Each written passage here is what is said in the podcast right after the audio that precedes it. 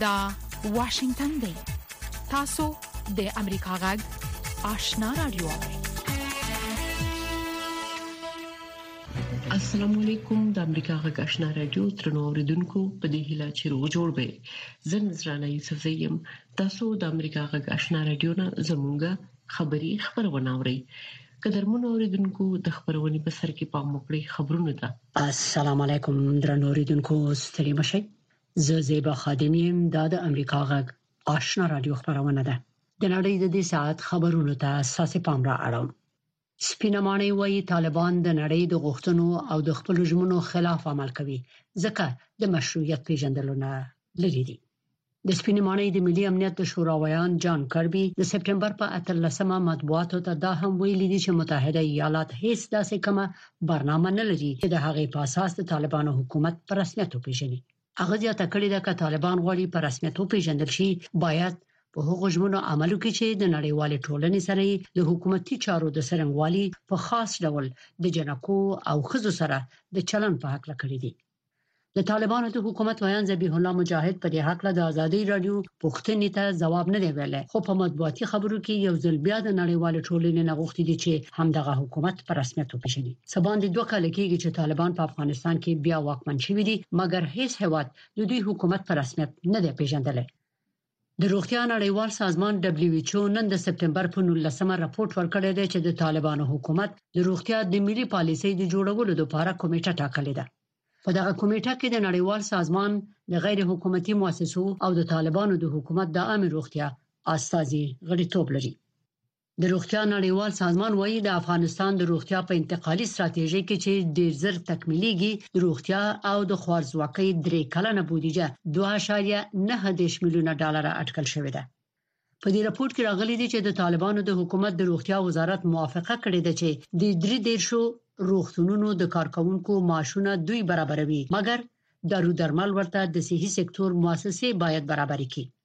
د غدری د شوختونونه چې سره صلیب د اگست په میاشت کې د طالبانو حکومت ته سپارل دي په افغانستان کې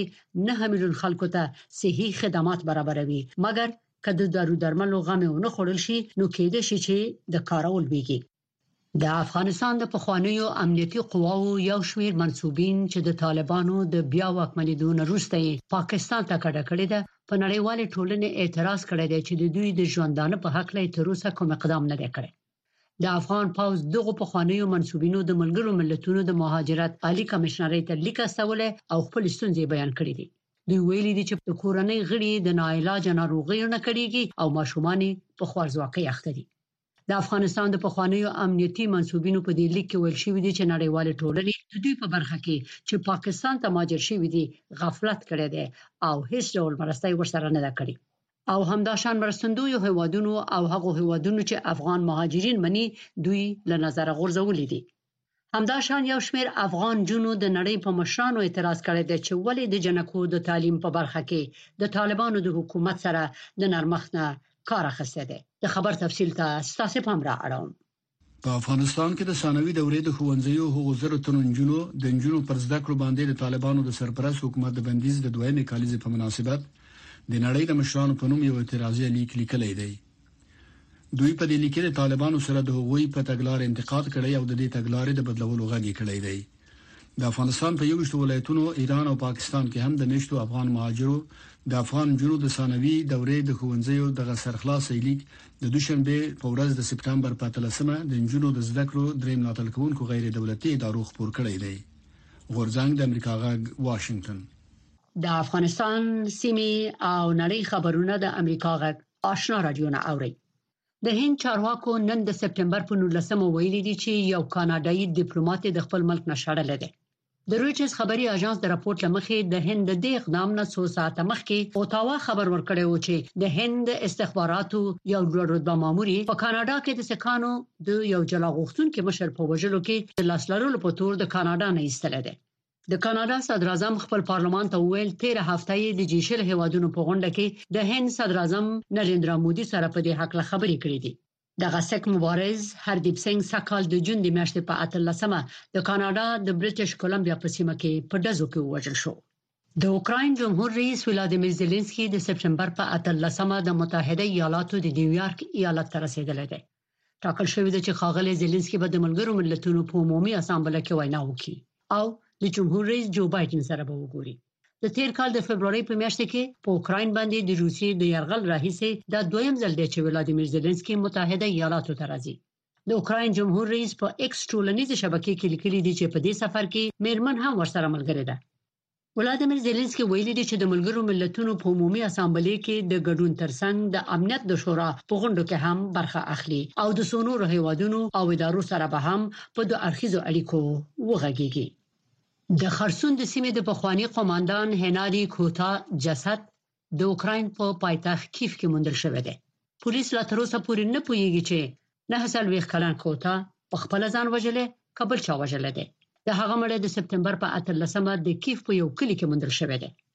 هنادي کوتا په 2020م کال کې د اوکراین د خرسون د سیمې د څارونکو په توګه ټاکل شوی وو خو کله چې روسي پوځیانو د دې سیمې زیاته برخه لاندې کړه نو وړه کیف ته تښتیدل وو د اوکراین جمهور رئیس ولادیمیر زيلنسکي دغه قومندان د 2022 کال د جولای په 22مه له دندې لرې کړی و او د متحده ایالاتو د نیوجرسي د ایالت یو امریکایي مسلمان خاروال د 11 نورو امریکایي مسلمانانو سره د متحده ایالاتو په حکومت حقوقي دعوا کړې ده د دوی حقوقي دعوا د دهشتګرو د څار د هغه لست په هکله ده چې د امریکا حکومت د یو د پاسه دوه زرم کال د سپټمبر د یوولسمې نېټې د تروریستي بریدونو نه وروسته جوړ کړی دی. زیبا خادم، امریکا غږ، واشنګټن. د امریکا غږ آشنا رادیو درنو اوریدونکو تاسو خبرونه واوریدل پام وکړئ زمونږ د خبرونې لومړی رپورت ده د طالبانو د حکومت د اطلاعات او فرهنګ وزارت وایي چې په تیرو دوو کلونو کې په افغانستان کې نږدې دیش رسنۍ نوي تاسیس شوې دي دغه وزارت نشراتي مرستيال مهاجر فراهي وایي چې اکثره نوي پرانستل شوی رسنۍ غږیږي رسنۍ دي د رسنیو د ملاتړ ادارو چارواکي وایي افغانستان کې رسنۍ او خبريالان د ډیرو زیاتو ننګونو سره مخ دي په موکړې د اکرام شنواری رپورت ده د اطلاعات او فرهنګ وزارت د نشراتو مرستیال حیات الله ماجر پراهي وایي چې په افغانستان کې رسنیو د ستونزو د هوارولو لپاره هڅې کوي او د همدې هڅو په لړ کې په تیرو څه باندې دوه کلونو کې په دغه هیواد کې شاوخوا دیش نو رسنیو فعالیت پیل کړی دی د اسلامي امارت د راتللو سره د 15 څه تر 30 پورې بیلابیلو رسنیو په فعالیت باندې پیل کړی چې ډېری یې اېف اېم رادوګانې دي او د هېواد په مختلفو برخو کې یې خپل کار شروع کړی. د طالبانو د اطلاعاتو او فرهنګ وزارت نشراتي مرستیال د نوو تاسیس شوو رسنیو د فعالیت په اړه دا څرګندونې په داسې حال کې کړي چې د رسنیو د ملاتړ نړیوالې او افغان ادارې وایي چې په افغانستان کې واک ته د طالبانو د بیا رسېدو وروسته په تېرو څه باندې دوه کلونو کې د اقتصادي ستونزو په ګډون د بېلابېلو ستونزو او ننګونو له امله په سلګونو رسنۍ تړل شوي او د ښځینه خبریالانو په ګډون زرګونو خبریالانو خپلې دندې له لاسه ورکړي دي. د ازادو خبریالانو د ټولنې د معلوماتو پر اساس د پنځه سوه او اووه څلوېښت رسنیو څخه چې په دوه زره یوویشتم کال کې فعالیت کاوه اکثر یې تړل شوي. د دغې ټولنې د شمېرنو له مخې د یو سلو پنځوس تلویزیونونو څخه اوس اویا تلویزیوني خپرونې فعالې دي. د درې سوه اووه راډیوي سټېشنونو څخه یو سلاوی یې لا هم فعالیت کوي، همداشان د یودېرش خبري اژانسونو څخه اوس مهال اتلس اژانسونه لا هم فعال دي. د ازادو خبریالانو د ټولنې مشر حجت الله جاوید مجردي د اقتصادي ستونزو تر څنګ د افغان خبریالانو او د رسنیو په وړاندې عمده ستونزو کې د خبریالانو په چارو کې د طالبانو د حکومت د ځینو هغو ادارو مداخله هم یادوي چې رسنیو د قانون له مخې د رسنیو په چارو کې د لاسوهنې حق نه لري. زموږ که غوښتنه وار وار همدا ده چې که چیرې دغه موضوعات رسنیز بنه ولري خو باید د تخطیو کمیسیون هلته د مختلفو ټولنو استازي او د رسنیو استازي دي د هغوی تر نظر لاندې دغه پیښو وسړل شي او کچېرې بیا هم رسنیز بنه ونه لري خو باید هغه موضوع پداګه شي رسنیز شي تر څو رسنیز ټولنه دینه غیزمن نشي چې هغه موضوع باندې پوښي او رسنیز ټولنه باندې بد اغیز ونه کړي د بي پولي راپور ورکوونکو سازمان آر اس اف د اګست په 20مه افغانستان کې د رسنیو د وضعیت په اړه په یو تفصیلي راپور کې ویلي چې په 2020 کال د اګست په میاشت کې افغانستان کې واک ته د طالبانو د بیا رسېدو وروسته د اتیا فیصدو څخه زیاتو ښځینه خبریالانو خپل کارونه پرېښي او د نږدې دوولس زره ښځینه او نارینه خبریالانو چې په دوه زره یوویشتم کال کې په دغه هېواد کې کار کاوه د درېیو څخه له دوه برخو څخه زیاتو یې خپل مسلک پرېښی دی. کابل کې یوې ښځینه خبریالې چې لا هم له یو تلویزیون سره کار کوي، آر ایس ایف ته ویلي چې د هرې ورځې په تېرېدو وضعیت لا خرابېږي. دغې خبریالې چې په راپور کې نوم نه دی ښودل شوی ویلي، د یوې خبریالې په توګه زه هر څه چې ترسره کوم باید دوه ځله یې په اړه فکر وکړم. د ازادو خبریالانو د ټولنې رئیس حجت الله مجاهدي په افغانستان کې د رسنیو او خبریالانو د وضعیت د ښه کېدو لپاره د نړیوالې ټولنې او د طالبانو او حکومت په ګډون د مالي ملاتړ ترڅنګ د خبریالانو او رسنیو د لاسنیوي اړتیا باندې ټینګار کوي. د طالبانو حکومت په تیرو درې میاشتو کې تر 12 پورې افغان خبريالان په شویر ولایتونو کې نیولي چې اکثره د څو ونیو بند تیرولو وروسته خوشي شوي خو افغان ولس له فرانسوي خبريال مرتضی بهبودي په ګډون ځنې خبريالان له هم د طالبان سره په بند کې ورځ شپې تیري د بدلون پر مهال کله چې د نړۍ وضعیت څرګند نه وي او کله چې اوریدل ل عیني واقعیتونو سره سمون نخري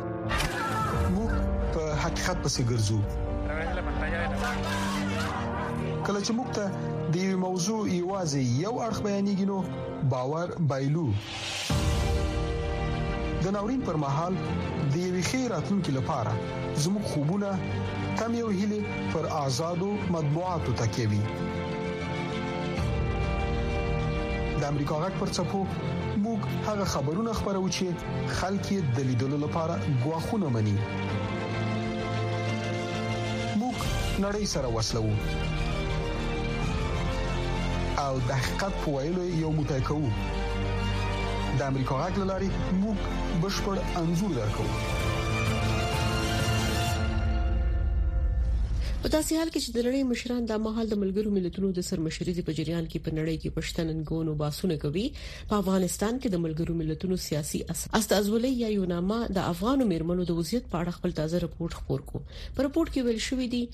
نه شپېته سلنه هغه میرمنو چې خبري ورسره شوي څرګند کړي چې د رواني ناروغیو سره لاسوګریوان دي په موګړې د رپورت ته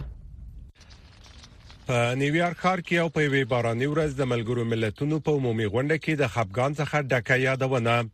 هغه دا چې د نړۍ مشران څنګه د پایدار پراختیا هغو ولسو اهدافو ته پر رسیدو کې چې په 2015 کال کې پرې هوکړه شوې و او هیلمن و چې تر 2013 کال ځانونه ورسوي شاته پاتې شوي د بیوزلۍ لمنځه وړلو او د لوګي د کمیدو د ژمنو سره سره چې د دې اجنډا بنسټ جوړوي تر 2022 کال پورې 1.2 میلیارډ کسانو لا هم په څو اړخیزې بیوزلۍ کې ژوند کاوه د اټکل له مخې د نړۍ کابو اته سلنه نفوس یا شپږ سوه اتیا میلیونه کسان به په دوه زره دېرشم کال کې هم له لوږې سره مخ وي. ځوانو مشرانو هم د پایدارې پراختیا د اهدافو په طرف د نه پرمختګ په اړه اندېښنې څرګندې کړې او له اقلیمي بدلونونو سره د مبارزې او د ځوان نسل د پیوړې کېدو لپاره د اساسي حل لارو غوښتنه وکړه په ټوله نړۍ کې آتش پېته میلیونه ځوانان په دندو پسې ګرځي په میلیونونه ځوانان د ټولنیز ملاتړ امکاناتو ته لاسرسي نه لري د رواني صحت ناروغي لکه ژور خپګان او استراب د ځوانانو لپاره یو جدي اندېښنه ده د ملګرو ملتونو سرمنشي انټونیو ګوتریش وویل د نړۍ مشرانو وکړای شول چې د دوشنبه په ورځ په داسې یوې سیاسي اعلامیه هوکړه وکړي چې د مشکل سره مخ اقتصادونو ته یو هیله رامنځته کړي په دې کې د پایدونکو پراختیا لپاره په کال کې د حد اقل 1500 میلیارډ ډالرو مرسته او همدارنګه د پورونو د کمیدو لپاره یو موثر میکانیزم چې وکولای شي د پرداخت له تعلیق د وګمهاله پورونو له شرایطو او ټیټو نرخونو څخه ملاتړ وکړي شامل دی ګوتریز زیاته کړه هېوادونه کولی شي د هدف شپږو ساحو ته په کتو له هغې جملې د لوږې ختمېدو، د جنسیتي برابري تضمین او د زده کړو ښه والي ته په پاملرنې سره بېرته ځانونه د پایداره پراختیا د اهدافو مسیر ته ورسوي. زموږ نړیوال ډیجیټلي پیشنهادي تړون به له هېوادونو سره مرسته وکړي چې خوندي ډیجیټلي سیستمونه رامنځته کړي، کوم چې د لرو پرتو سیمو د شاګردانو په ګډون به ټولو ته د انټرنیټ لاسرسی مهیا کړي. ګوتریش همدارنګه د یو بل نوښت یادونه وکړه چې له لارې به په خاص ډول د سمسورتیا پالنې او ډیجیټل سکتور کې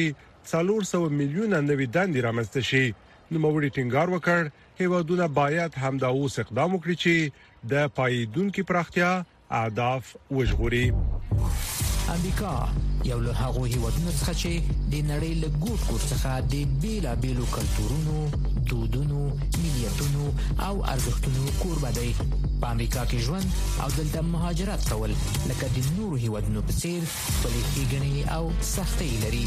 ځینې خلک په خپل هڅو او له فرصتونو په ګټې اخیستو خپل هیلو ته رسیږي او ځینې نور بیا له ستونزو سره مخ کیږي ژوند په امریکا کې هر جمعه د افغانستان په وخت د مازیګر له شپږو نه تر شپږ نیمو بجو او د ختیځ امریکا په وخت د سهار له نه نیمو تر لسو بجو تیر اونۍ د افغانستان لپاره د چین ټاکل شوی سفیر د طالبانو د حکومت رئیس الوزرا ته په کابل کې خپل باورلیک ورکو دغه موضوع د بوختنه چې آیا چین د طالبانو حکومت پر رسمیت پیژندلو هڅه کوي را مخې ته کړه د افغانستان د چارو امریکایي شنونکي بانټ روبن زموږ د همکار احمد الله چروال سره په امریکا کې د پښتنې ته چې د چین د سفیر لخوا خپل باورلیک د طالبانو رئیس الوزرا ته وړاندې کول په سمانه دي ویل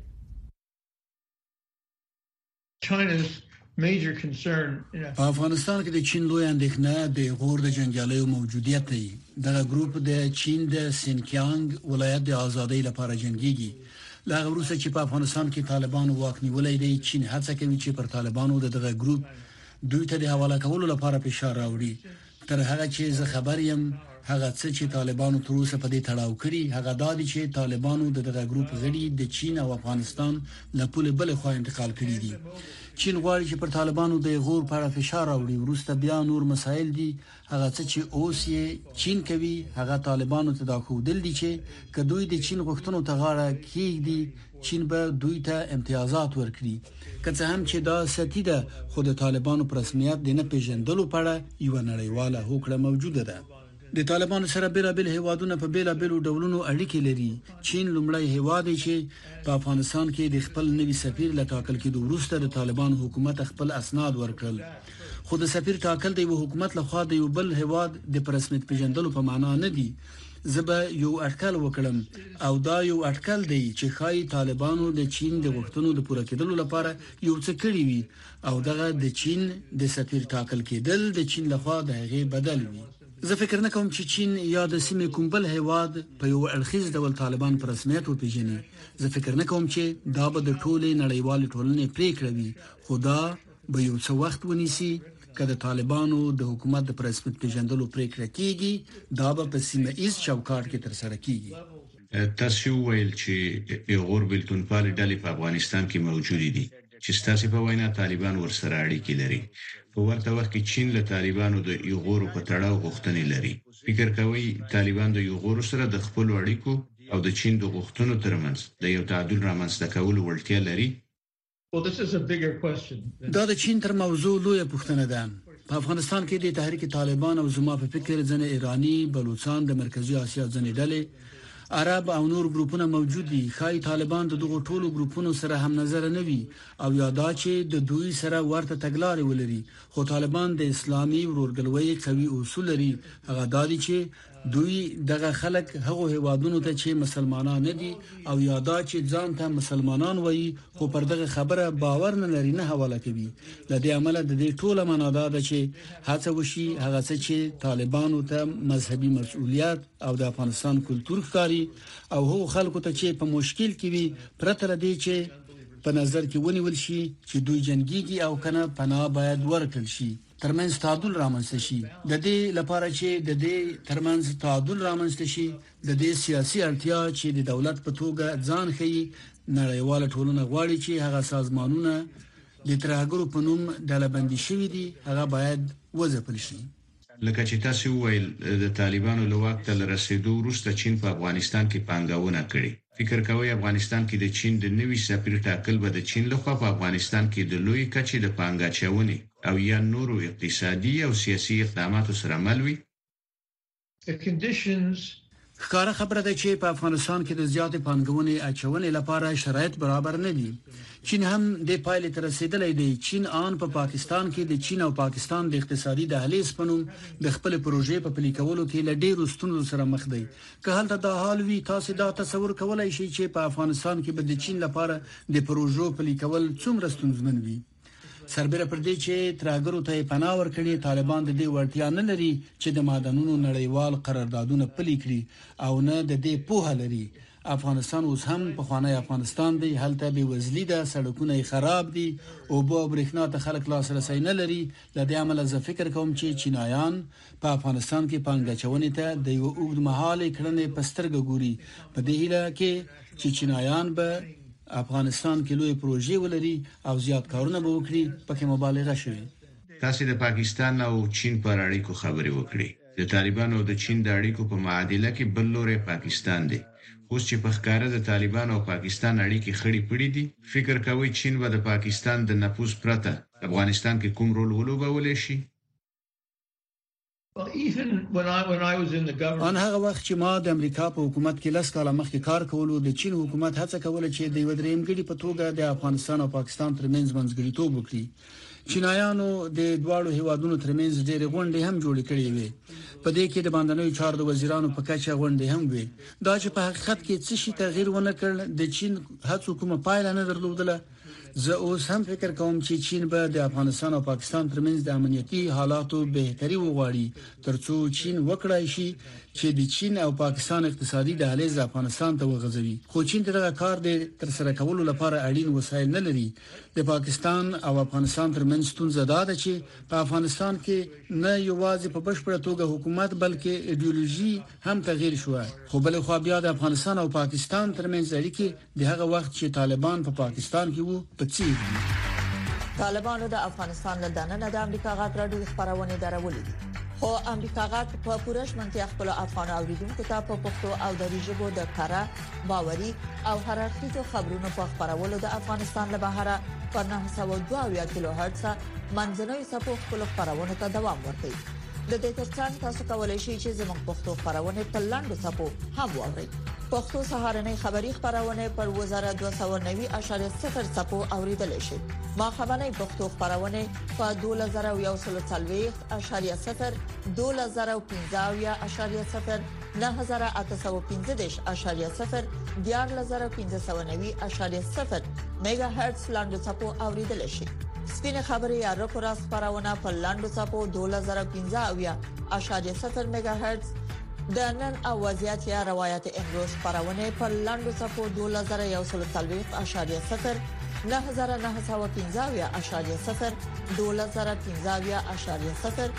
او ستاسو غږ یا صداي شما خبرونه پر لاندو صفو 2015.0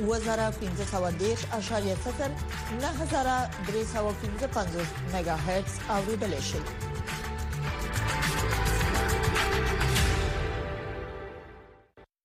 سپینمانه د ایران د سخت دریزه حکومت له خوا د نیول شو 15 ایرانی امریکایانو بیرته امریکا ته دراتګ هرکلی کوي نور تفصيل په دې رپورت کې. پنځه ایراني امریکنیان د کلونو راهیسې د ایران په وحشیانه ایوین زندان کې ساتل وروسته بالاخره آزاد شول. نن پنځه تنه بې ګناه امریکایان چې په ایران کې بندیان وو، بالاخره خپل کور ته راستانه شول. ولسمشر بایډن وايي دوی د جاسوسي اړوند تورونو کې بې ګناه دي د هغه ادارې د دې خبر هرکلی وکړو Today, their freedom نن ورځ د دغو امریکایانو ازادي چې په ایران کې د اوږدې مودې لپاره په ناحقه توګه بندیان او توقیف شوي وو یو څه خورا اساسي شیانو ته اشاره کوي دا په دې معنی ده چې خاوندان او میرمنې پلرونه او ماشومان او نیکونه کولای شي یو بل په غېږ کې ونیسي يو بل سره بيا وګوري بيا يو بل سره وي. خوشي شوي امريکنيان د دوشنبې په ورځ د قطر پلازمينې دوحې ته ورسيدل. د دې په بدل کې امريکا د ايران د تيلو شپږ مليارډ ډالر خوشي کړل چې د بنديزونو له لارې د جنوبي کوريا په يوه بانک کې کنګل کړي وي. ناقدين وايي چې تهران ممکن دا پيسې د خپل ظلم د دوام او د خپلو اټمي اهدافو د پراختيا لپاره وکاروي. خو سپینه ماڼۍ ټینګار کوي چې پیسې د سختو بندیزونو سره راځي. دا پیسې به اوس د هغو په پرتله له ډېرو قانوني محدودیتونو سره مخ وي کله چې دوی په کوریا کې وو. که ایران د فنډونو د اړولو هڅه وکړي، موږ به اقدام وکړو او بیا به یې بند کړو. زه هم غواړم دا روښانه کړم، هېڅ ډول تادیه نه ده، دا تاوان نه دی، دا د متحده ایالاتونو مالیه ورکوونکو ډالر نه دي او موږ په ایران باندې خپل بندیزونه نه دي لرې کړي. بلخوا د ایران ولسمشر وایي چې د هغه حکومت به دا پیسې هر چیرې چې ورته اړتیا ولري ولګوي. له امریکا سره د بندیانو په تبادله کې خوشي شوي دوه ایرانیان هم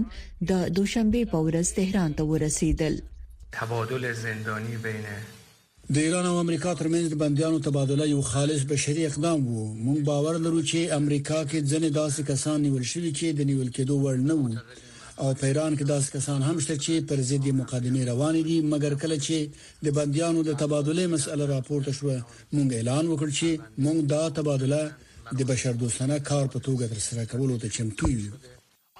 په یو بیان کې بایډن وویل چې هغه به په سیمه کې د ایران د پاره کوونکو اقداماتو له وجه پر ایران د لګښتونو لګولو ته دوام ورکړي. شهناز نفیس، امریکا غږ، واشنګټن.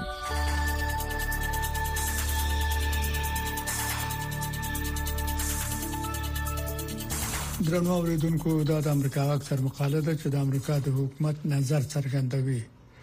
د اقلیم د بدلون لپاره د امریکا خاص استاذ جان کیری وویل کله چې د اقلیم بدلون تاثیرات من سره شي په نړۍ کې د شلو ډیرو متاثر شوو او هیوادونه ولسی په افریقا کې دي د په 2023 کال کې د کینیا په نیروبي کې د افریقا د اقلیم د عالی غونډې په ترڅ کې ویل چې د غستونځه چې منګور سره مخامخ کیږو انسانانو منځ ته راوړې ده دا د ککړتیا په باره کې ده په حقیقت کې افریقا د اقلیم د ستونزې په چیرمه جبهه کې ده یو وایي د فوسیل د سونګ موادو دوامدار سیزلونه منځ ته راوړل کیږي خاغلی کیری ویل دغه شل هیوادونه د ټول زهرجن غاز 80% تولیدوي دا د ټولو هغو شلو هېوادونو لپاره مهمه ده چې سمدستي ګامونه اوچت کړي چې د پاریس د موافقې د لارې په باره کې سمدستي ګامونه اوچت کړي. که د عدالت مانا هر شی وي، وي به، دا واقعاً د دې مانا لري که دا به یو انتقال وي، هر څوک باید په دې قادر وي چې د دغه انتقال ګټې شریکې کړي. همدا اوس څرګنده ده چې تاسې د انتقال د اطمینان په باره کې خبرې نشئ کولای د ډاډه انتقال په باره کې کله چې د زینو خلکو لپاره هیڅ انتقال نه وي کله چې د زینو خلکو لپاره شدید غیر عادلانه پوروي چې انتخابونه تیروي او د شوه لاندې راولي چې دغه هیوادونو کړی دي جان کیری وویل تنظیم د پایتخت کلی ده موږ په هر اتلس ورځو کې د دغه کورې په زینو ځای کې د اقلیم د پیخې یو میلیارډ ډالر لرو نو انتظام مهم دی جمهور رئیس بایدن یو پروګرام ان پیل کړی دی چې تیرې بلل کیږي د تنظیم لپاره د جمهور رئیس استراري پروګرام او د ژمنه کړې ده چې موږ به په پرمختلونکو ملکونو کې لږ تر لږه د نیم میلیارد خلکو سره په خاصه توګه په افریقا کې په دې به قادر وي چې د دغه ستونزې ناوړه تاثیرات تنظیم کړي ښاغلي کیري اعلان کړ چې امریکا به شل میلیونه اضافي ډالر افریقا ته د خوړو د خوندیتوب د چټکتیا د تنظیم لپاره ورکړي چې د کرهڼې په تجارت کې به پانګه اچونه وکړي، لس میلیونه نور ډالر به د اقلیم د غځېدنې په تنظیم،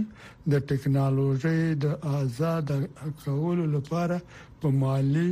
او د ټکنالوژۍ د انتقال په اسانتیا باندې ولګول شي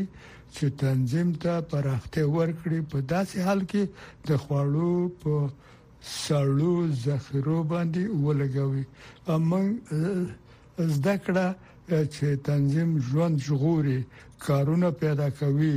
او په څرګنده توګه د عامه زوړ ساده احساس ته سرکونه او پلونه به چې اوس جوړ شوی دی هغه به وده زیاته کړي او نيستي به کنټرول کې کدوې د سبا پورې ولاړ وي خاص استاذي کاری او ویل د ناوړه اقلیم د تاثیراتو نه افریقا تر زیاته اندازې پورې کړهو غالي قدرمن اوریدونکو تاسو د امریکا غږ آشنا رادیو نه زموږ خبری خبرونه واوریده موږ تاسو له دې هیلې اجازه